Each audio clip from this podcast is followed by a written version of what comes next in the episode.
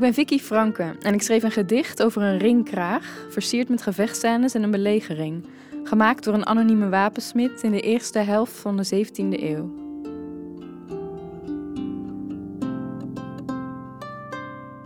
Luister. Pijn? Ik ken geen pijn. Tenminste niet zoals mijn broeders en zusters die werden gedragen in het vuur van de strijd.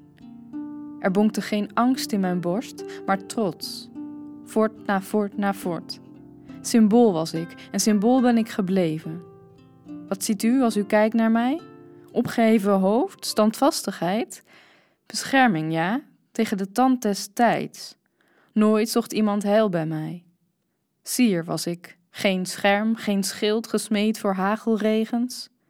Al was ik er nog zo op gebrand, het beleg, de veldslag en de stad, ik kwam pas achteraf van pas dan mijn drager, de belager.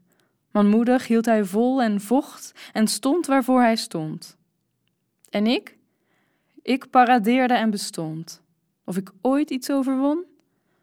Dat ik hier nu lig, dat u naar mij kijkt, dat ik eindelijk eens spreken mag.